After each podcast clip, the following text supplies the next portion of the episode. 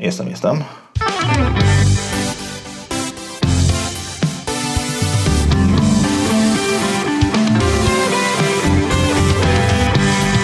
Witajcie w 36. odcinku podcastu Kompot. Podcastu, w którym wyciskamy sok z jabłuszek. Kontynuujemy naszą przygodę z WWDC 2018.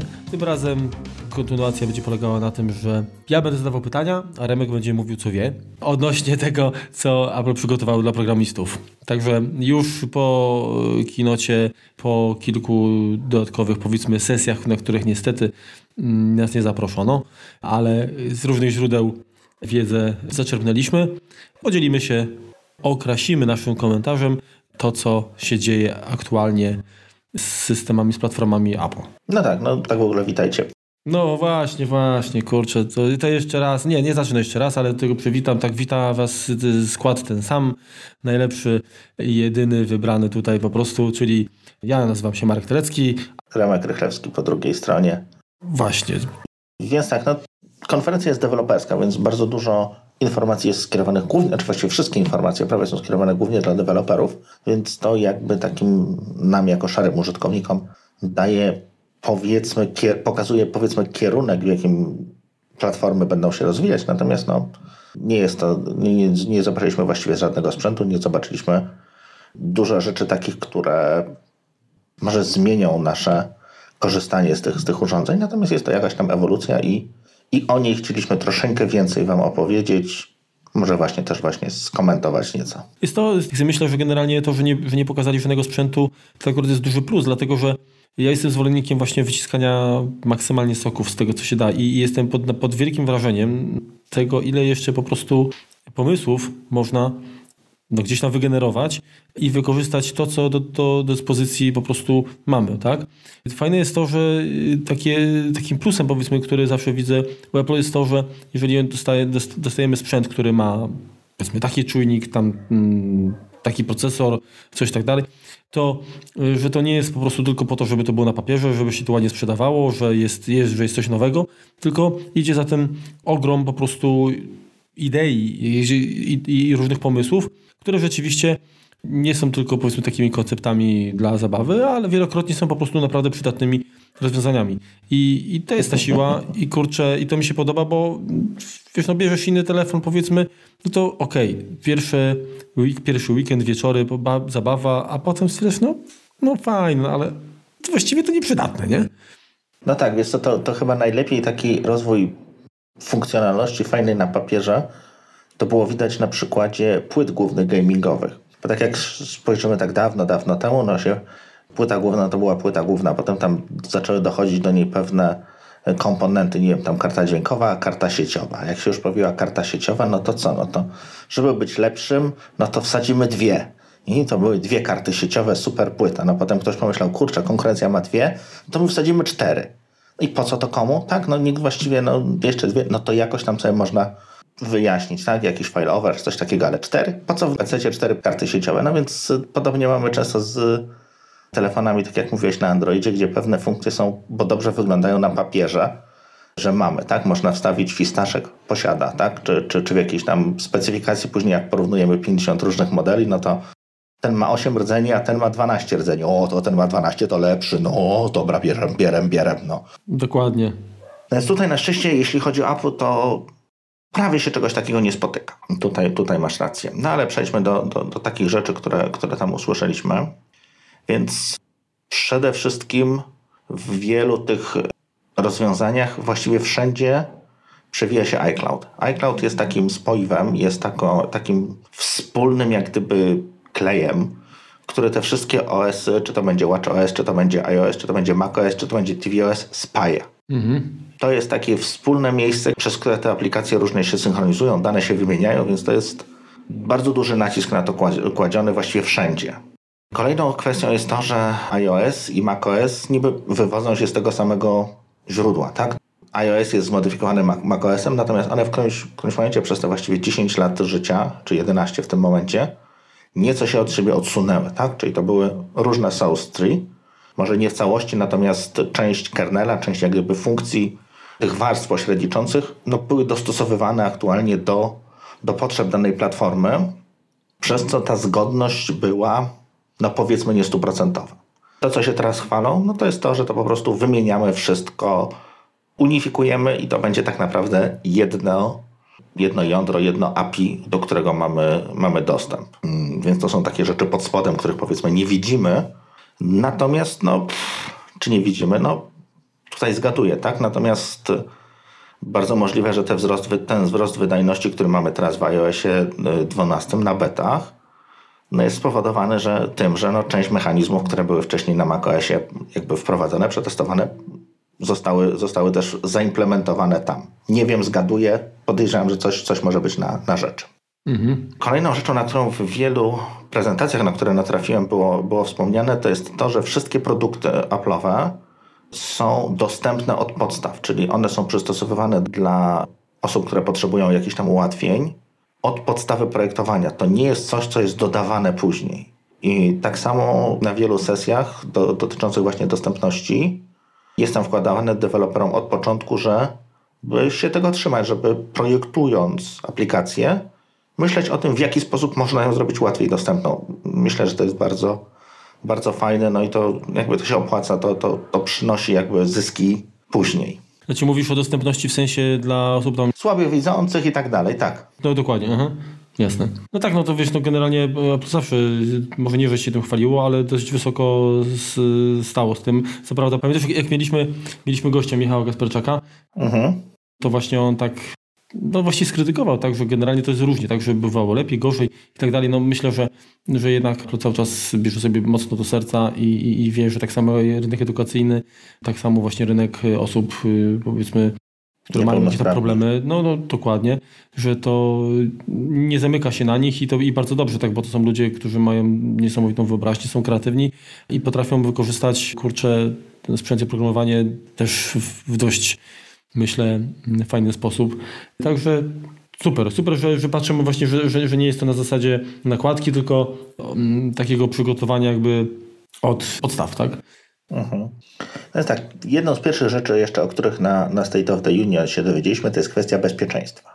I bezpieczeństwa tak naprawdę rozumianego bardzo szeroko, no bo to jest przede wszystkim bezpieczeństwo budowane jest przez zaufanie. Czyli Apple nakłania deweloperów, żeby ci starali się minimalizować ilość danych, które po prostu przechowują. Niech przechowują te dane, które rzeczywiście potrzebują dla swojej aplikacji. To, że te urządzenia są stosunkowo mocne, jeśli chodzi o wydajność procesora, skłania deweloperów do tego, żeby przetwarzali te dane lokalnie.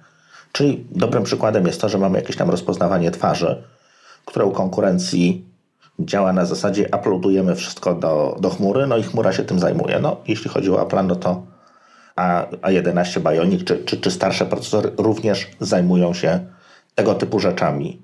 I kolejne to jest transparentność, czyli Apple namawia deweloperów, żeby maksymalną transparentność utrzymywali, czyli żeby po prostu mówili użytkownikom, po co zbierają dane, jak zbierają, co zbierają i do czego one są potrzebne.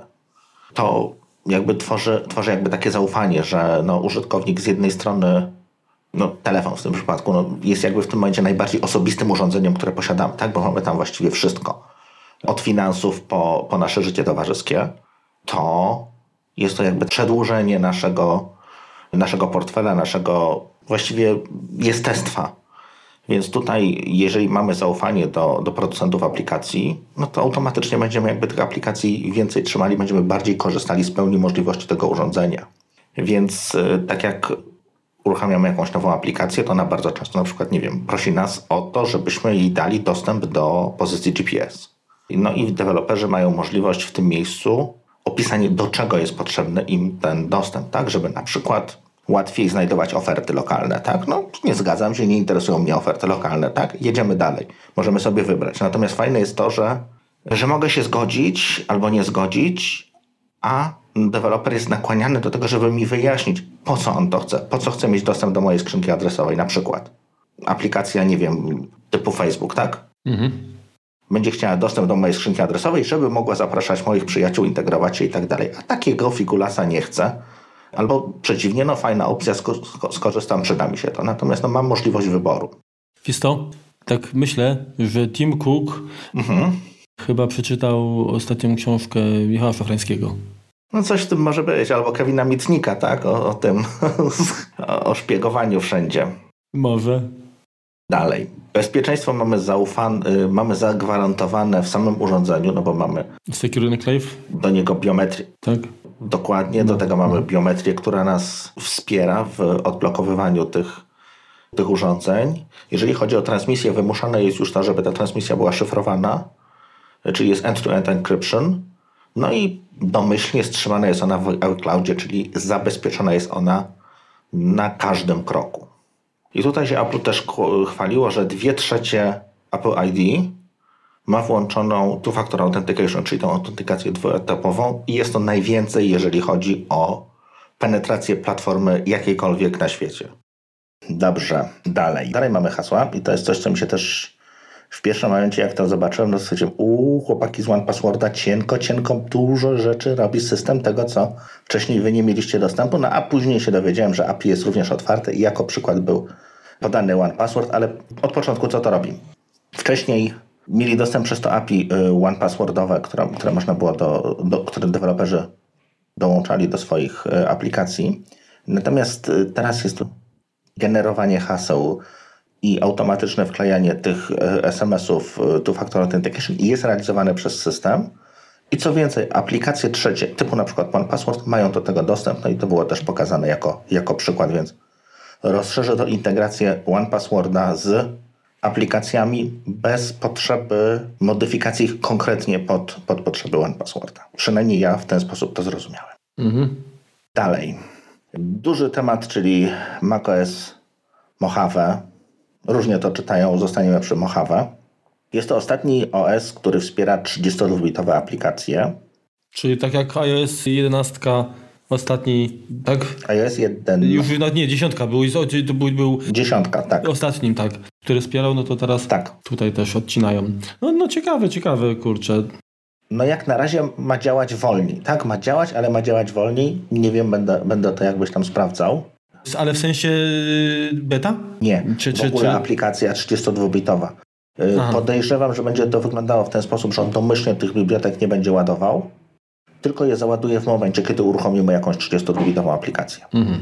Więc domyślnie będzie to troszeczkę wolniej, no ale ta 32-bitowa aplikacja, 32-bitowa aplikacja, co to jest? Przede wszystkim tak, wypada QuickTime w tej takiej wersji klasycznej, funkcjonalnej i w związku z tym dużo aplikacji, które na nim korzystają, wypada Java 1.6, ta jeszcze tworzona przez Apple'a i wypadają aplikacje Carbon HLTB. Nie wiem, co to znaczy, ale powtarzam. Ktoś tak mądrzejszy powiedział. Tak a propos QuickTime'a, no bo mhm. faktycznie ten, to była wersja siódma bodajże, ta, która miała oferowała jakieś opcje edycji i tak dalej. Tak. Bo to o, tym mówisz? Tak. No to rzeczywiście, znaczy ja już tam fakt, że dawno nie korzystałem, nie instalowałem tego, y, natomiast y, patrząc na to, co będzie oferował Quick Look i, i, i jakby sam, sam Finder, tak? Te opcje właśnie edycyjne, klip, właśnie tam mm, przycinanie klipów i tak dalej, to myślę, że to chyba QuickTime w ogóle wydaje mi się, że zniknie po prostu prędzej czy później. No to wiesz, no jako odtwarzacz pewnie zostanie dalej. Mhm. Natomiast, no jak jesteśmy już przy odtwarzaczu, no to wielka nowość fanfary. Przepisali odtwarzacz DVD na 64, na 64 bity. Mhm. Natomiast tutaj spokojnie odtwarzanie Blu-rayów dalej nie działa. No to trochę, to jest trochę, powiem ci, kurczę. Znaczy, ja, wydaje mi się, że, że, to chyba chodzi o to, że jednak promują ten swój streaming w sklep iTunes, także Blu-ray jest dla nich konkurencją, no to po co mieliby to wspierać, tak? No DVD jest tak zamieszłym nośnikiem, że teraz to bardziej chyba dla mm, powiedzmy hobbystów, tak? A ci, co mają swoje zbiory, to, to... Nie, to właściwie też już mogliby to wyrzucić. Dalej, y, z racji zwiększania bezpieczeństwa wypada część funkcjonalności, czyli wypada integracja z Twitterem, Facebookiem, no i podejrzewam, że tymi wszystkimi chińskimi jakimiś Weibo, Maibo czy tam innymi odpowiednikami. Powiem szczerze, ja się, ja się bardzo cieszę.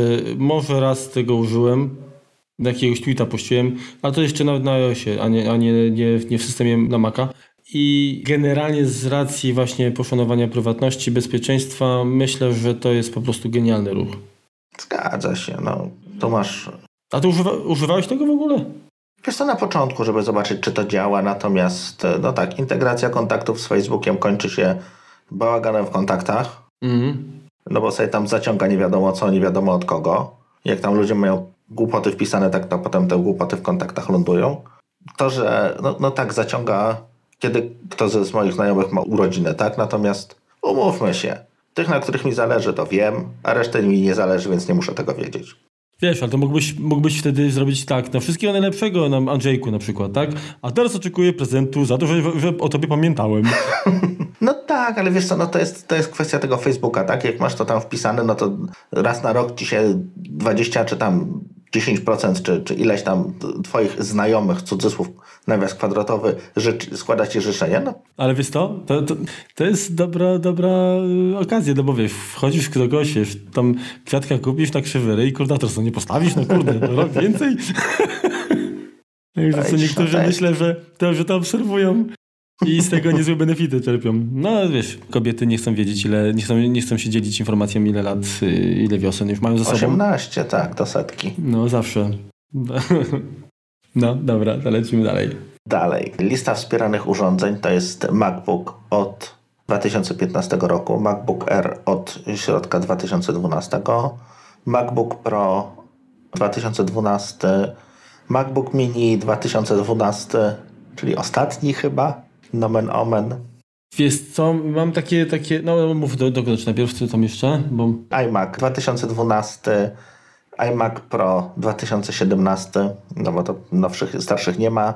I iMaki, y, to właściwie zależy od karty graficznej, ale od mid 2010 po late 2013, czyli wszystkie karty, które obsługują metal.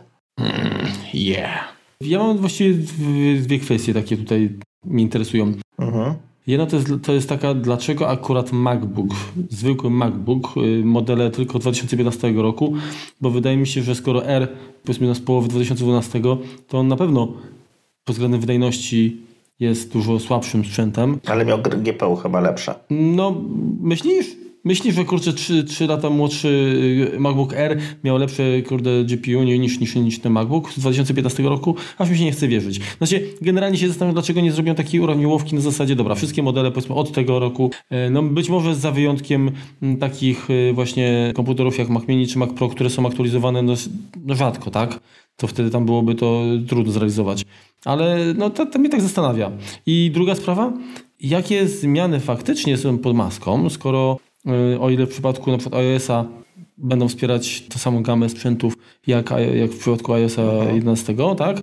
To z 12. Natomiast y, Mojave już nie będzie wspierany na tych samych sprzętach y, Tak, tutaj troszeczkę parę rzeczy wypadło, niestety. Mhm. I to, to kurczę, to mnie zastanawia też. Znaczy nie, nie, nie, nie, nie sprawdzam dokładnie, tam nie, to trzeba było porównać może jakaś, nie wiem, wersja Bluetootha, może coś tam, także na pewno się... Właśnie to może być Bluetooth, karta sieciowa, tego typu, tego typu rzeczy, które czegoś tam nie wspierają. Ale no. może to być też kwestia marketingowa na zasadzie, dobra, Sierra i High Sierra obsługiwały te same, tak, no to teraz robimy, będzie Mojave i kurczę, nie wiem, coś jeszcze i będzie wspierało właśnie taką gamę, jaką, jaką wymieniłeś, tak? Mhm. Także gdzieś tam, y, no, może nie jakoś tam mm, tak brutalnie, ale trochę też tam mm, odcinają. Znaczy, mo, może to jeszcze wynikać z tego, że teraz tak, jest system, który się pojawi na koniec.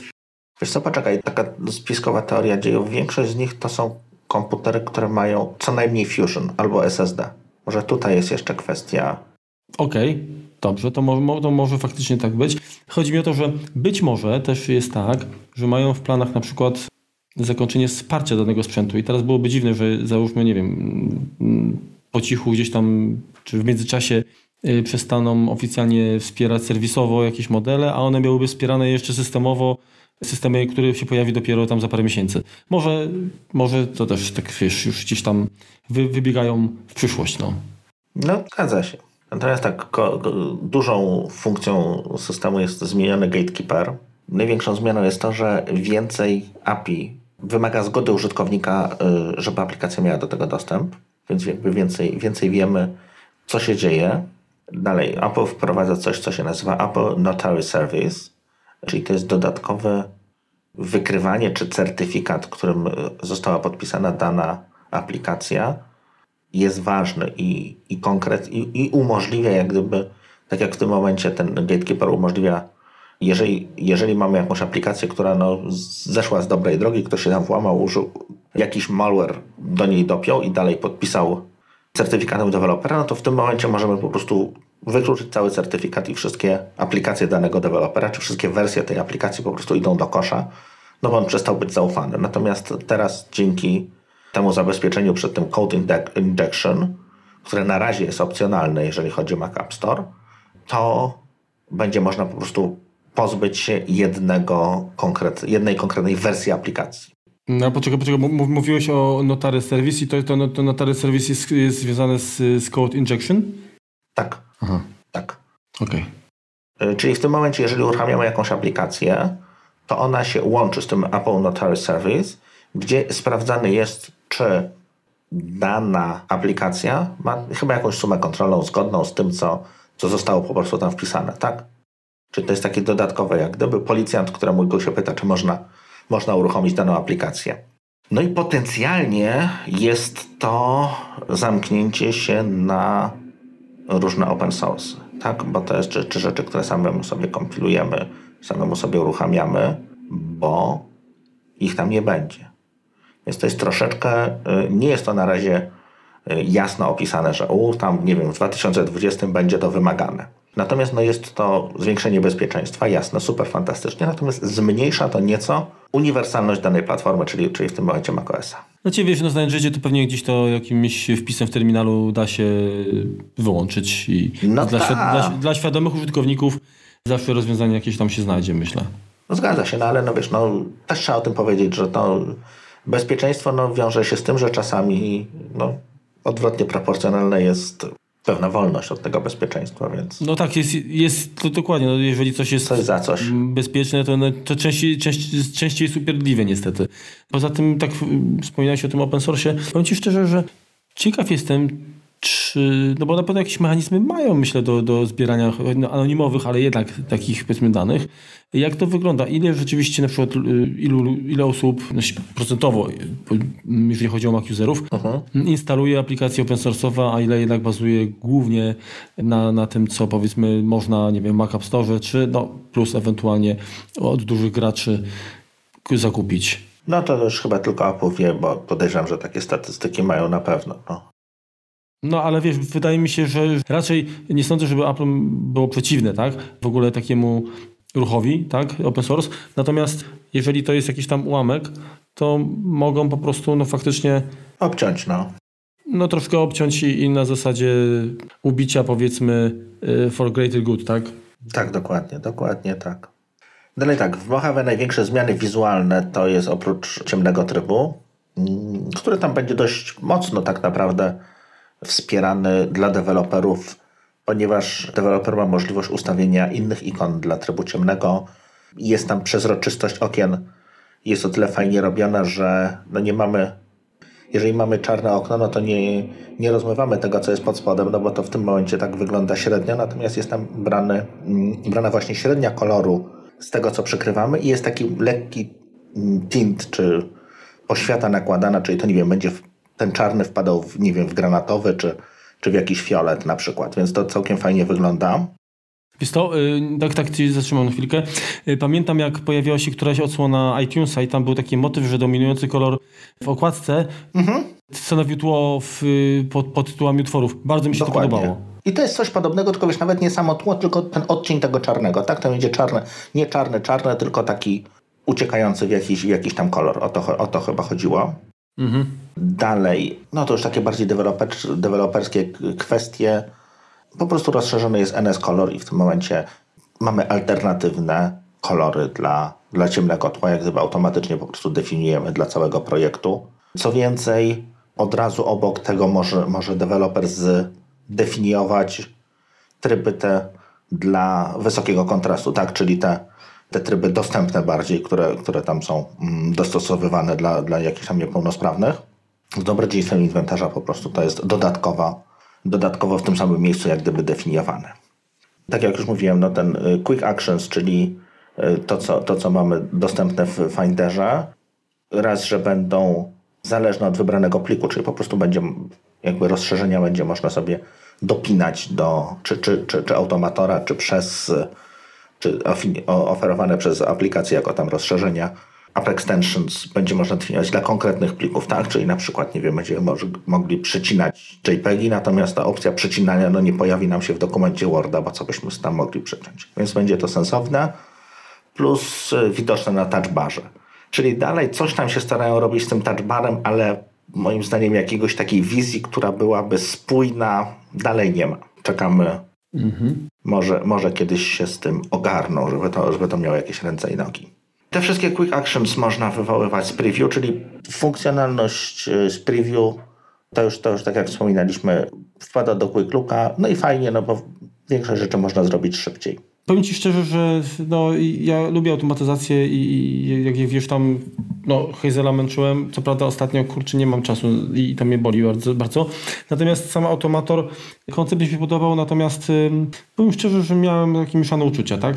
Znaczy, to było fajne narzędzie, którego może ja po prostu nie potrafiłem skorzystać, bo za mało czasu z nim spędziłem. E, natomiast faktycznie te, te app extensions tak w połączeniu mogą dać drugie życie myślę, tej, tej, tej, tej, temu całemu systemowi. Także mm, pytanie, na ile to będzie na przykład podobne do tego, co, co się dzieje i będzie się działo na iOSie. Mhm. Wiesz, no, to, co, to, co jakby się dzieje na iOSie, to, to mamy to, to przełożenie UIKit, które na, na razie będą tam te cztery aplikacje przeniesione z iOSa. Natomiast no, później będzie to jakby pełnoprawne API dostępne dla deweloperów.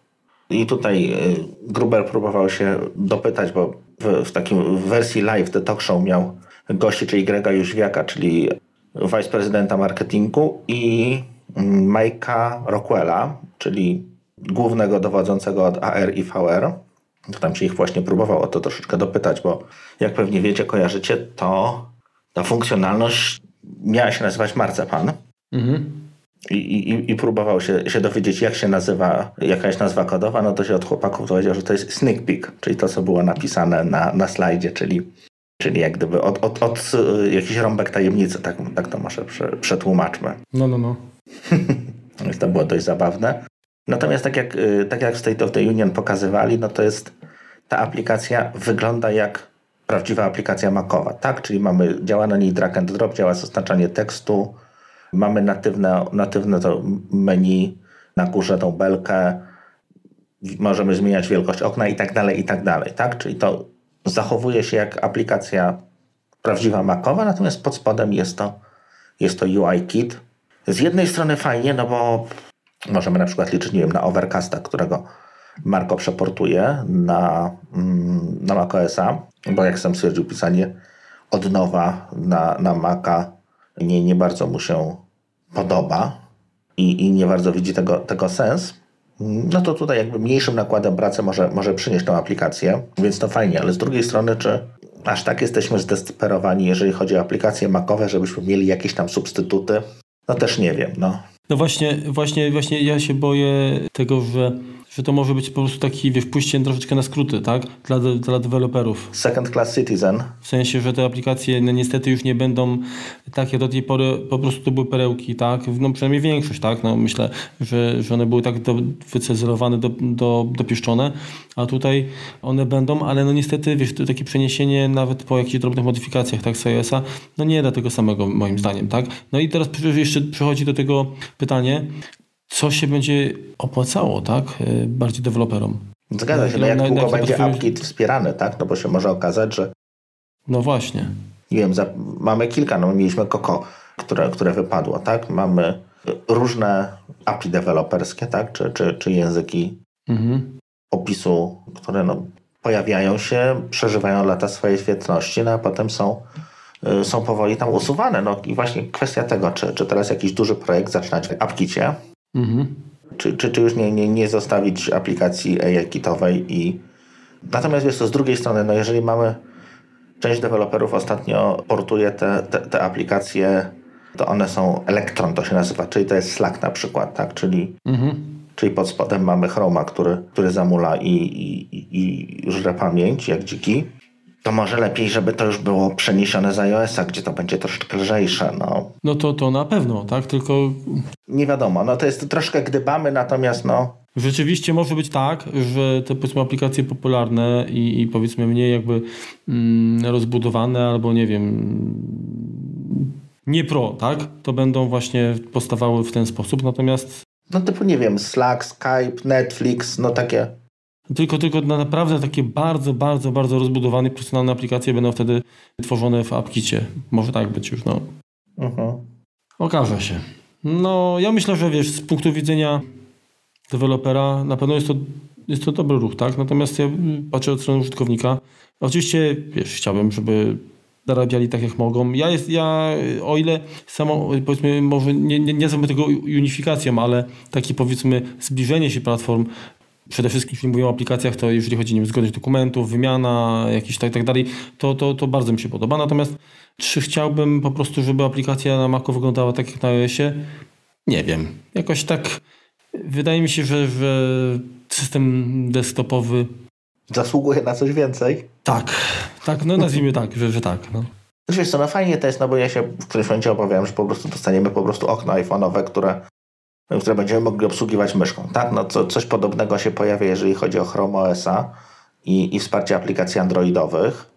No z jednej strony fajnie, z drugiej strony no, no takie to troszeczkę jest no, aspołeczne w obsłudze, no bo nagle dostajesz interfejs, który masz przystosowany do palucha, może obsługujesz go, go myszą, czy też obsługujesz go dotykiem na zupełnie innym ekranie. Znaczy to dobrze widać. No ostatnio tak jak Spotykałem się z kolegą e, Aleksandrem Kanią, pozdrawiamy przy okazji. Pokazywałem mu aplikację kanonowską tam do, mm, do zarządzania ich lustrzankami na, na iOSie. No to jest po prostu tak koszmarnie zaprojektowana aplikacja. Widać, że na, jeśli chodzi o iPhone 10, wszystkie te funkcje są tak pochowane w rogach, wręcz są nie do uruchomienia, no bo tam są te gesty wchodzą, tak? Więc mhm. po prostu ktoś nigdy nie miał w ręku telefonu, i stworzył na symulatorze aplikację, po prostu rozciągnął bezmyślnie, więc to, to nieużywalne zupełnie. No i takie niestety kwiatki się pojawiają. No i no, bałem się trochę, że tego będzie coraz więcej, natomiast tutaj Wygląda to na przemyślane, ten interfejs jakoś tam się zmienia w zależności od, od wielkości okna. To ja, wydaje mi się, że... Pożywiam uwidzym, jak mówią Amerykanie. Dokładnie. Wydaje mi się, że tak jak, jak y, na początku, jak, jak wchodził iPad, wszystkim się wydawało, że to będzie rzeczywiście na zasadzie powiększonego okna iPhone'owego, a jednak później okazało się, że zapewnili jakby wsparcie umożliwiające na tworzenie aplikacji, które lepiej potrafią wykorzystać y, tą przestrzeń dużego ekranu. I myślę, że tutaj jednak po tych baby steps, po tych pierwszych takich powiedzmy miesiącach, to naprawdę to przy, przybierze taki kształt, który no, będzie miał ręce i nogi, krótko mówiąc, tak? Xcode 10, czyli wymienię, nie będę się tutaj wypowiadał, bo się nie znam. No, nie znam się, to się wypowiem się. Generalnie tak, szybciej, stabilniej, lepsze kontekstowe podpowiedzi ma mieć. Swift Refactoring ma być wbudowany w Xcode. Podobno super wszyscy klaskali też się cieszę. Mhm. Natomiast tak jak osoba, która mniej więcej zaznajomiona jest z kwestią edycji dokumentów, no to zrobił na mnie wrażenie multicursor editing, czyli w tym momencie możemy sobie w kilku miejscach źródła naraz jakieś tam rzeczy poprawiać. Wyglądało to naprawdę fajnie. Podejrzewam, że BB Edit ma to od 25 lat. Natomiast, no, fajnie, fajnie. Lepsza integracja z Gitem i tutaj też wielkie brawa, ponieważ wspierali, wspierają Bitbucket Cloud i serwer, wspierają GitLaba, jak również Gita self-hosted. No to jest ważne, no bo tak jak, tak jak pewnie wiemy, wiecie lub, lub, lub może nie wiecie, GitHub został w, no właśnie w okolicach poniedziałku, czyli, czyli wtedy, wtedy to wypłynęło razem z Keynote'em, zakupiony przez Microsoft za 7,5 miliona dolarów. Powiem szczerze, tutaj mogę się akurat troszeczkę wypowiedzieć, coś tam mojego na, na tym GitHubie jest. W sumie jest mi to obojętne, kto, kto, go, kto z niego korzysta. Znaczy, kto, kto jest właścicielem GitHuba. Ponoć nie bardzo na siebie zarabiał. Podejrzewam, że Microsoft, przeglądając kanapę po dobrej imprezie, jest w stanie nazbierać tyle kasy, żeby utrzymać tego GitHuba przez, przez jakiś miesiąc czy dwa. Nie sądzę, żeby się to jakoś popsuło. No, a Microsoft się bardzo mocno zmienił i podejrzewam, że gorsze byłoby dla GitHuba, żeby kupił ich Apple y, i dla deweloperów niż, niż Microsoft. ale to takie moje własne zdanie. Dalej, lepszy debugger, fajny i dużo bardziej rozbudowany debugger do poboru energii, czyli możemy sobie zobaczyć, która część naszej aplikacji po prostu żre prąd, mówiąc kolokwialnie. Nowe testy autonomiczne dla auto, automatyczne, autonomiczne i nie wiadomo jeszcze jakie auto, magiczne dla aplikacji, w tym jakieś tam równoległe testowanie, czyli możemy sobie uruchomić, nie wiem, na kilka symulatorów czy kilka, kilka jakby tych aplikacji na raz i, i po prostu sprawdzać różne workloads, czyli różne obciążenia na niej, żeby spróbować ją po prostu wysypać. Wiesz, tak sobie myślę, to oczywiście jest pewnie nie do zrealizowania z uwagi na ogrom jakby mm, zróżnicowanego oprogramowania, ale żeby takie testy jeszcze funkcjonowały na zasadzie takie, dobra, a jak się ta aplikacja zachowuje, ale nie tylko na systemie, czyli czy nie, nie, nie wali tam po rejestrach, nie, nie, nie, nie śmieci pamięci Aha. Y, i się dogaduje z aplikacjami systemowymi, ale również z innymi aplikacjami innych producentów. Nie? Bo to czasami tak takie wychodzą przecież kwiatki, że generalnie wszystko jest ok, dopóki nie uruchomisz tego programu i tamtego razem. Wiesz, to, no to akurat to sandboxing powinien załatwiać. Mhm. Jak sami doskonale wiemy, nie zawsze jest tak różowo. Dobra. Dalej tak, no mamy Swifta 4.2 aktualnie, natomiast jest na horyzoncie Swift 5, więc to będzie zgodność e, plików binarnych.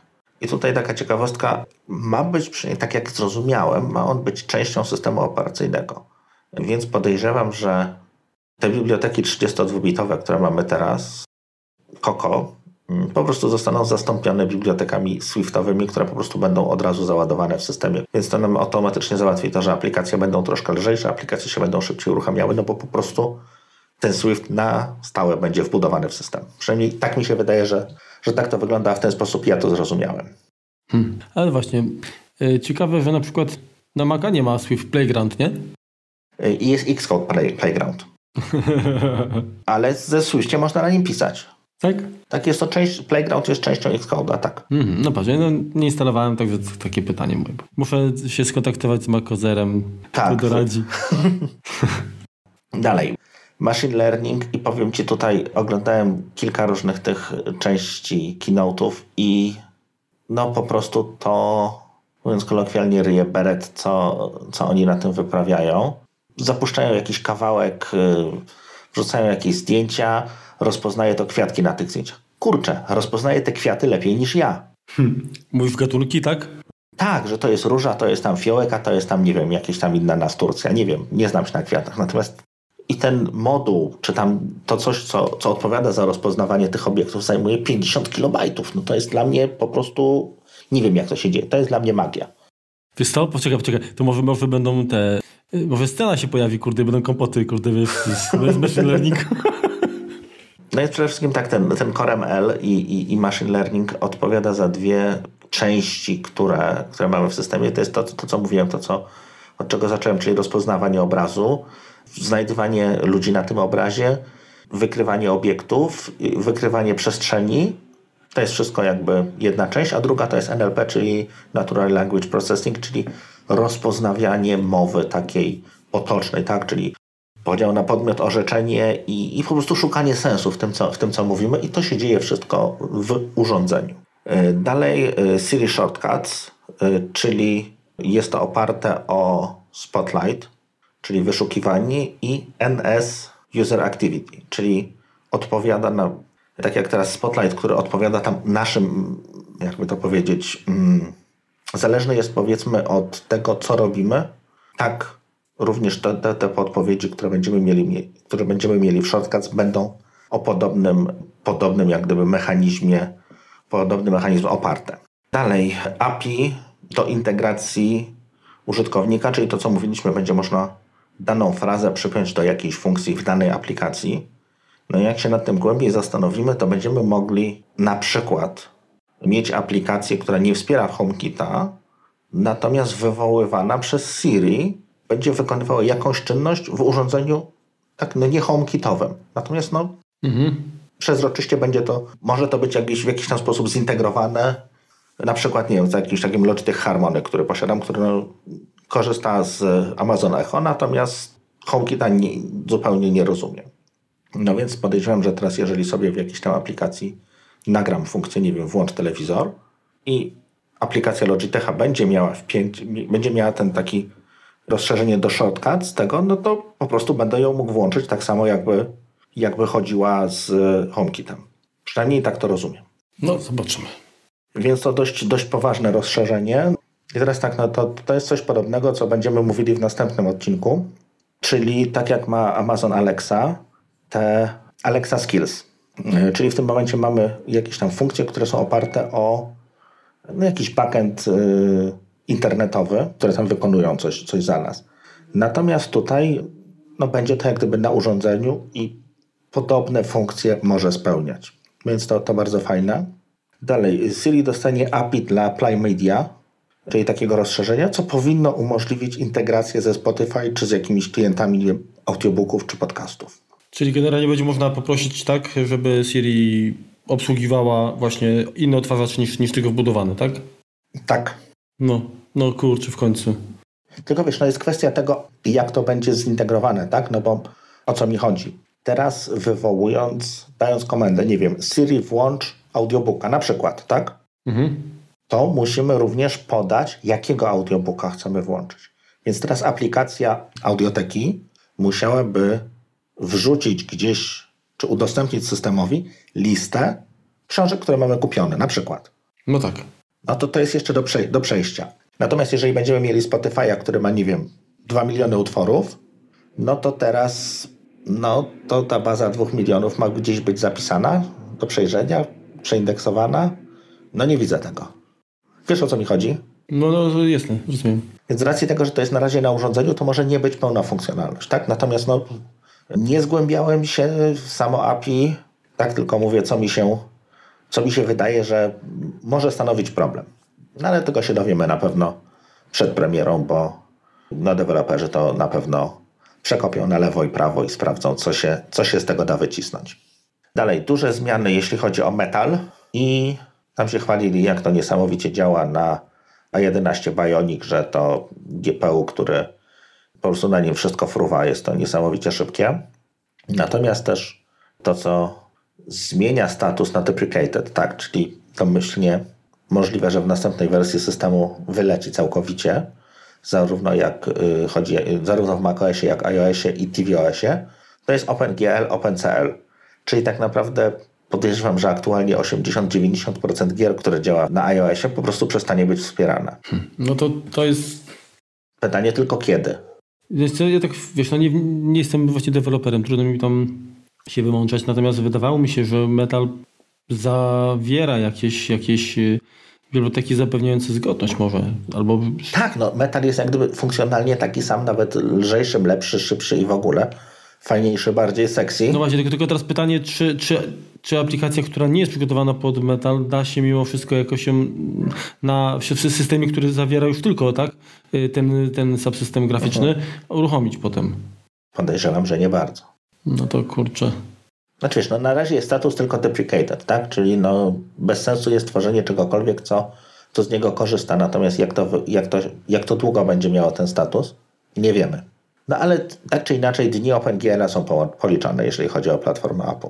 Fajnie wyglądał również debugger do grafiki, gdzie mogliśmy właściwie debugować ko ko konkretny piksel, dlaczego on ma taki kolor, a nie inny, czyli jakie tam shadery, co go jak gdyby narysowało, jakie, jakie elementy obiektów wchodzą w jego skład. Wyglądało to niesamowicie. Następna kwestia, którą, którą też Metal obsługuje, to jest ray tracing, czyli jak gdyby -hmm. inna metoda rysowania obiektu, czyli nie rysujemy obiektu po trójkątach, tylko rysujemy obiekt na zasadzie odbić światła. To pewnie, Marku, pamiętasz na Amidze, tam się zapuszczałeś pewnie jakieś... Wiesz co, co no, dokładnie, jeszcze, jeszcze nawet na 500 Lightwave'a. Dokładnie. Znaczy on nie był najbardziej zoptymalizowany, ale był bardzo fajny taki przyjazny w obsłudze. Ja pamiętam, kurczę... Zapuszczałeś się... wieczorem i rano już miałeś połowę obrazka wyrysowaną. A tam dwie kulki i no właśnie, ja, znaczy to tak, wiesz, ja, ja czasami po prostu mnie, mnie um, hipnotyzowały w ogóle, wiesz, ja to jeszcze y, tą Amigę wtedy miałem podłączoną po telewizor, tak? I wtedy normalnie jak obraz masz wyświetlony na, na, na, na kineskopie takim CRT, no to masz te scanlines, te, te linie takie powrotu, tak? I tak. widzisz po prostu jak się rysuje ten obraz, no to ten ray tracing, to on tak działał, że, że to było po prostu jeszcze te, tak jakbyś to wziął w, w, w, normalnie tak jak są teraz te kamery, co masz tysiąc klatek na sekundę, tak? Uh -huh. musisz sobie tam spowolnić, to mniej więcej tak to wtedy wyglądało, że ja po prostu patrzyłem, że zaklimatyzowany, mówię, Boże, jeden, kiedy się skończy. Ale najlepsze to było to, że rano wstawałem i kurde, a tu wiesz, guru meditation, nie? I wszystko szlak trafiał. Albo cały, cały, cały ekran czarny zapomniałeś dać źródła światła. też, też, dokładnie. Albo kamera patrzyła, wiesz, sąsiadowi w okno zamiast tak. kurde, no. No więc teraz tak jakby na CPU mm, ten ray tracing robiony, no to on tam scenę, którą pokazywali renderowała się w jakieś tam 15 sekund. Podejrzewam, że taka scena na twojej Amidze to by się w dwa tygodnie nie przerenderowała. Hmm, no, na pewno, to na pewno. Bo to była tam dość skomplikowana, natomiast bardzo ładnie się to skaluje na GPU. Oczywiście to było tak, żeby nie było, to, to był iMac Pro 10-rdzeniowy, więc przyzwoity komputerek. Na GPU no to to już tam trwało dziesięciokrotnie szybciej. Natomiast pokazał, pokazał Pan jak to ładnie, jak się podłącza kolejne klocuszki z GPU zewnętrznym, no i tam zszedł do jakichś, nie wiem, kilkunastu sekund tak naprawdę, żeby odrysować cały ten, cały ten obrazek, czyli chyba 30 razy szybciej niż CPU. Hmm. Powoli może to być kwestia, kwestia tego AR-a i, i ray tracingu, gdzie to jeszcze lepiej wyglądało, jeszcze bardziej naturalnie. Karty graficzne bardzo dużo, bardzo dużo rzeczy robią, natomiast no, ten przejście na ray tracing to jest kolejny level. To jest, to jest różnica pomiędzy firmą Pixara a, a grą komputerową. Jak się przyjrzy stopklatce, no to tam jednak widać, że te, te odbicia czy, czy, czy naturalność tego, tego otoczenia jest jednak troszeczkę inna. No to no tak. Dalej, machine learning również jest bardzo mocno wspierany przez sam metal. I, I taka ciekawostka, na przykład nauka czegoś takiego googlowego y, ML-a, czyli TensorFlow, przy pomocy właśnie metalu jest dwudziestokrotnie szybsza niż na, niż na samym CPU, więc... A powiedz mi, co to jest w ogóle ten TensorFlow, bo niestety tutaj się wykaże indolencją, ale po prostu nie wiem. Widzisz, ja też dużo nie wiem, będę, będę się, to jest kwestia uczenia sieci neuronowych, na przykład rozpoznawania obiektów. To jest to, co potem, że wykrywa ci, że to jest y, różyczka. Jest to, ja pamiętam swego czasu ktoś wrzucił też właśnie na Twittera, było takie zdjęcie, które pokazywało jak masz, masz powiedzmy zdjęcie zrobione latem, tak, jakieś tam drogi i później komputerowo było wygenerowane po prostu wersja tego, taka wiesz, w pochmurny, deszczowy dzień. No. Także no ja bym potrafił, bo naprawdę to wyglądało po prostu tak, jakby rzeczywiście to nie było sztucznie wygenerowane, tylko po prostu to zdjęcie tego, tego w tym samym miejscu, tylko właśnie w jakąś taką pogodę zupełnie inną. No. No niestety, znaczy niestety jak niestety, no te, to co się dzieje z AI-em, to, to ja już przestałem to rozumieć, tak? Siedzę, siedzę jako tako nieźle w, w technologii się raczej odnajduję, to sztucznej inteligencji, no chyba się już jej nawet boję. Ja też się boję, bo to jest tak naprawdę y, taki mechanizm do manipulowania, tak do naginania, do tworzenia właściwie alternatywnej rzeczywistości, którą po prostu no, da się przekonać, że no tam słuchaczy czy widzów, tak, że ja naprawdę nie wiem, teraz tak naprawdę chyba już ciężko będzie, wiesz, ufać, tak? No. Przy okazji spojrzałem, co jest ten, ten TensorFlow, no to jest Google'owe API, które służy do, do właśnie deep learning, tak, do, do, do uczenia się, do tworzenia tych algorytmów genetycznych, tak to się kiedyś nazywało. Mhm. Teraz tak, AR, no tak jak już mówiliśmy, to USDZ, czyli to ma to być taki PDF dla obiektów 3D, ten obiekt, ten USDZ zawiera w sobie tekstury, modele, jak również animacje. Więc e, no, wygląda to na, na fajne, fajne rozwiązanie. Adobe wspiera to tym projektem swoim Aero. Co jeszcze, to też właśnie troszeczkę Mike Rockwell wypytywany przez, przez Johna Grubera próbował, próbował Gruber się tam czegoś od niego dowiedzieć. Między innymi no, czepił się tego, co ty mówiłeś, tak? Czyli no, z jednej strony to nie, nie tworzymy ekranów dotykowych, bo to męczy ręce, a z drugiej strony AR, no to musimy trzymać tego iPada czy ten telefon, żeby, żeby tego AR-a zobaczyć i czy chcą, czy planują coś z tym zrobić. No to oczywiście chłopaki i, i sam, y, sam Greg i Mike wybuchnęli śmiechem, no bo no podejrzewam, że przynajmniej w zamyśle jakieś urządzenie AR-u, VR-u na warsztacie, natomiast no, no nie, nie dowiedzieliśmy się o niczym mhm. Hmm, tego typu, no bo tak łatwo się nie dadzą niestety nabrać, więc tutaj się nie dowiemy, natomiast no jest to tak jak, tak jak na samym keynote to było duży fragment poświęcony, poświęcony właśnie temu, temu AR-owi i powiązanym z tym tak naprawdę tym, tymi algorytmami uczącymi się, tak, tak bardzo dużo tych sesji dla programistów również jest poświęcone samemu AR-kitowi. Ten ARKit 2, no tak jak, tak jak mamy iPhone'a 10, no to tak jak mieliśmy wykrywanie twarzy, no teraz mamy ten język, jak również możemy wykrywać, w którą stronę patrzymy, czyli bardzo możliwe, że będziemy mieli może namiastkę jakiegoś interfejsu, który po prostu możemy operować przez to, przez skupianie wzroku gdzieś. Wiesz co, nie wiem czy kojarzysz, ale jest, kurczę, nie wiem, czy to, czy to Asus, czy, czy Acer ma coś takiego e, w swoich monitorach mhm. E, dla graczy, że w zależności tam, gdzie patrzy twoja gałka, tam się mhm. wyświetla interfejs po prostu, no tam nie wiem, typu... Celowniczek. Tak, na, na celowniczek, czy tam, nie wiem, do zmiany broni, tak, zmiany broni i tak dalej. Mhm. No, także to myślę, że to też w sumie jest jakby kolejny krok. Z tego, co widziałem, jeśli film tam ktoś zaprezentował Twitterze, to naprawdę świetnie sobie to, to wykrywanie ruchów gałek ocznych radziło. Poza chyba robieniem zeza. Dobra. Teraz kilka takich rzeczy już, już bardziej, bardziej losowych, jeżeli chodzi o iOS 12. To mamy w iPhone 10 możliwość zdefiniowania dwóch twarzy, czyli możemy mieć twarz na rano, twarz na wieczór. Znaczy, powiedzmy, no, wypada, wypada problem taki, że no, chcemy dać żonie dostęp do swojego telefonu. Przez, przez Face ID możemy po prostu dodać, dodać drugi. Sprawdziłem, to, to już też nawet organoleptycznie zainstalowałem betę na iPadzie Pro z 2016 roku, tym lotniskowcu.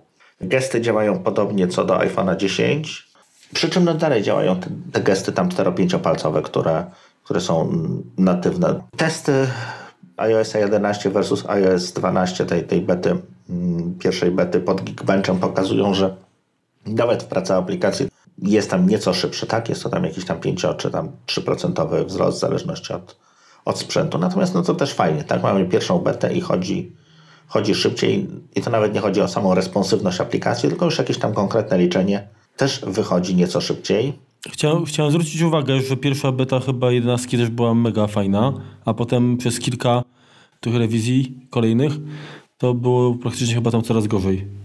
Y, nie, no ja na iPadzie zacząłem i rzeczywiście no chyba druga, trzecia były słabe, a potem już było nieźle. No ale no zobaczymy. Jak to będzie na razie, no nie polecamy używania bety na urządzeniach produkcyjnych. Ja mam na iOSie, wróć na iPadzie Pro, ponieważ on jest nadmiarowy. Tak? Ja bez niego przeżyję, natomiast no mam tam jakieś małe, małe pole, żeby, żeby poeksperymentować. Kolejna sprawa, mamy to Measure App, czyli to, tą aplikację do, do mierzenia obiektów i do niej została przyniesiona poziomica, która kiedyś była schowana za kompasem. Mhm. To jest aplikacja się będzie na ta Measure, to chyba po naszemu jest pomiar, tak? Nie wiem. Nie mam tego na dziesiątce, więc. Jakoś takim tak skojarzę, że, że, że, że chyba. Możliwe, tak. że pewnie tak, tak by wychodziło. Mm. Dalej tak, smutna wiadomość dla posiadaczy Apple Watch Series One Generation One, czyli tak zwane Series Zero, czyli tych pierwszych, e, pierwszych zegarków Watch OS 5 na nie nie ruszy. I teraz kilka takich losowych rzeczy, które się zmieniły, jeżeli chodzi o App Store'a. Mm, więc pierwsza opcja, pierwsza, pierwsza ważna sprawa, reguła 3.1.1 jest do, są dozwolone już teraz, bezpośrednio jest to napisane, są dozwolone. Wersje czasowe, tak? Wersje czasowe, tak, time-based e, trial, czyli po prostu 14 tam ilość dniowy trial, tylko musi to być dokładnie opisane i jest to już zezwolone, tak jak gdyby bezpośrednio opisane.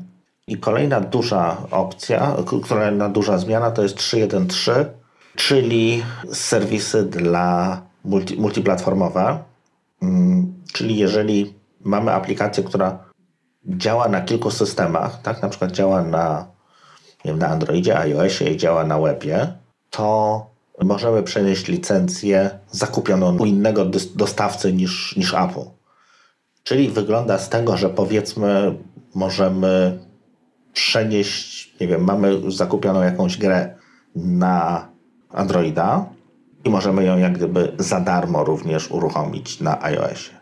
Istnieje taka możliwość. Nie wiem, czy jacyś deweloperzy będą się na to decydować, no bo to jest jak gdyby drugi raz można na kimś zarobić. Jest to, ale, ale ja nie jestem do końca pewien, że to, że to tak, że to o to chodzi. Multiplatform w sensie macOS, iOS może. Właśnie podobno y, również z, z innych platform. No to kurczę, to by było coś naprawdę niesamowitego. No ale wiesz, no to, to jest kwestia tego. Teraz tak, y, ani ja, ani Marek nie jesteśmy członkami programu deweloperskiego, więc dlatego możemy Wam o tym powiedzieć. Nie naruszamy żadnej EULI. Ani NDA. Ani NDA, ani innego KGB. U, u ciebie nawet USB zwykłego nie ma. Nie ma. No dobra, no i tak przelecieliśmy chyba przez całość rzeczy, które tam nam się State of the Union, czy jeszcze tam w jakichś tam innych miejscach pojawiły. Powiedz mi Remku, czy gdzieś tam wyczaiłeś jeszcze jakieś informacje odnośnie, nie wiem, CarPlay na przykład? Coś tam ktoś... Nie, nie, nie, nie nic nowego nie kojarzę. No, no to, że te nawigacje będą działały film trzecich. Mhm. I tyle. Okej. No, pozostaje czekać. No tak naprawdę parę dni minęło, to i tak w sumie y, tam sporo znalazłeś takich rzeczy. Ja myślę, że to jeszcze będzie huczało długo. Pytanie, ile z tych wszystkich rzeczy rzeczywiście pojawi się no, w tej oficjalnej wersji y, zgodnie z planem na czas, Mhm. A ile jest po pół roku? a ile no, po prostu, czy, czy po roku, tak? Powiedz mi, czy ty korzystasz już na przykład, y, albo nie sprawdzałeś y, AirPlay y, 2, tak? Jak działa? No nie mam na czym. Kurczę, ja aktualnie też nie mam na czym. Nie, no bo wiesz, te, te y, AirPlay 2 jest zgodny tam z jakimiś głośnikami dedykowanymi, których, których nie posiadam i z no HomePodem, no też No tak, ale to, to, to, to generalnie, jeżeli powiedzmy wejdziesz w, menu AirPlay, tak, Tak. pojawi się kil, kilka różnych odbiorników, to jeżeli one nie są zgodne z AirPlay 2, to nie, to nie zadziała, tak? Znaczy to zadziała AirPlay, jako AirPlay 1 dalej działa. Mhm. No tak. Na razie jeszcze nie są, y, nie są end of life, ale no podejrzewam, że No, co jak co, ale AirPort Express, kurczę, mogłoby dostać, nie? nie sądzę właśnie, że dostanie. Właśnie nie sądzę, że dostanie. A jeżeli chodzi o wiadomości w chmurce? Mm. Wiesz co, zacząłem synchronizować, działa. Ale to jeszcze w 11 tam 4, 11.4. Czy 11.4, tak. No dobra, to zapraszamy za tydzień. Za tydzień będziemy opowiadali o HomeKicie i jak to było w HomeKicie w iOSie 11. Dokładnie. Będzie, będziemy wciskać kit w domu. To to, jak macie komentarze, y, wybaczcie ewentualne jakieś pomyłki, czy odbieganie od tematu, ale nie jesteśmy programistami, przynajmniej ja nie jestem. Remek y, ma dużo większe doświadczenie w tej materii. Ale jestem niepraktykujący. No dobra, to co, nie przedłużamy. W takim razie dziękujemy za wspólny, wspólnie spędzony czas. Dziękujemy za komentarze, jakieś tam pojedyncze się po- pojawiły. Zawsze jest to dla nas miłe. Postaramy się bez opóźnień nagrać, znaczy za- zaprezentować jakby mm, następne podcasty, jeżeli macie propozycje. A przypominamy o tym, że cały czas czekamy na, na, na pytania od Was. Mhm. Mieliśmy taki plan, żeby chyba w wakacyjnym, tak? W wakacyjnych nagraniach, żeby tak, taką sesję Q&A albo, albo FAQ zaprezentować, także za- zapraszamy. Piszcie, kontakt do nas znacie przecież. Zresztą Tak. możecie też oficjalnie tam nie, na Twitterze czy tego, to po prostu zbierzemy, odpowiemy krótko, a później na, podczas nagrania gdzieś tam powiedzmy ten temat jeszcze rozszerzymy. Także bądźcie z nami. Y, Dziękujemy bardzo za uwagę. No i do usłyszenia niedługo. Trzymajcie się. Czołem. No hej, pa.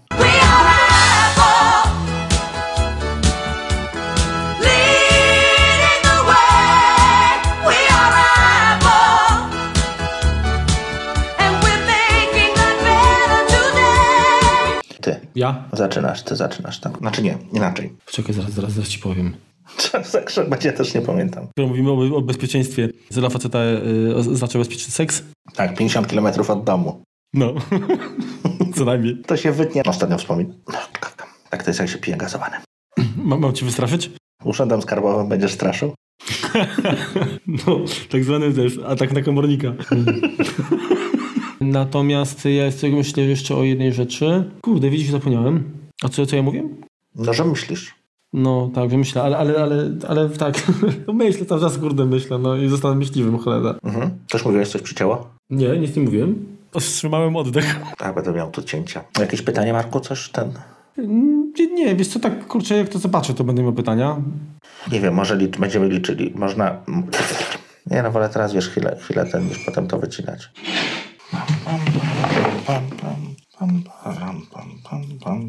Prawie jak, jak, w tej, jak, jak w rejsie, jak śpiewali pi- pi- tą piosenkę na początku. Pam, pam, pam. My wychodzimy już. Dobrze? Dobrze. Do widzenia. Do widzenia. Do widzenia. No jak to się nazywa, to kurde nie wiem. No ale nas powiedzmy, czy jest... mm, mm, mm. Że na pewno będzie wyciąć. Bo dzisiaj mamy ten Światowy Dzień Seksu. No, men, Tak, no, men. serio? Tak. To czekaj, to kończymy, kurde. A!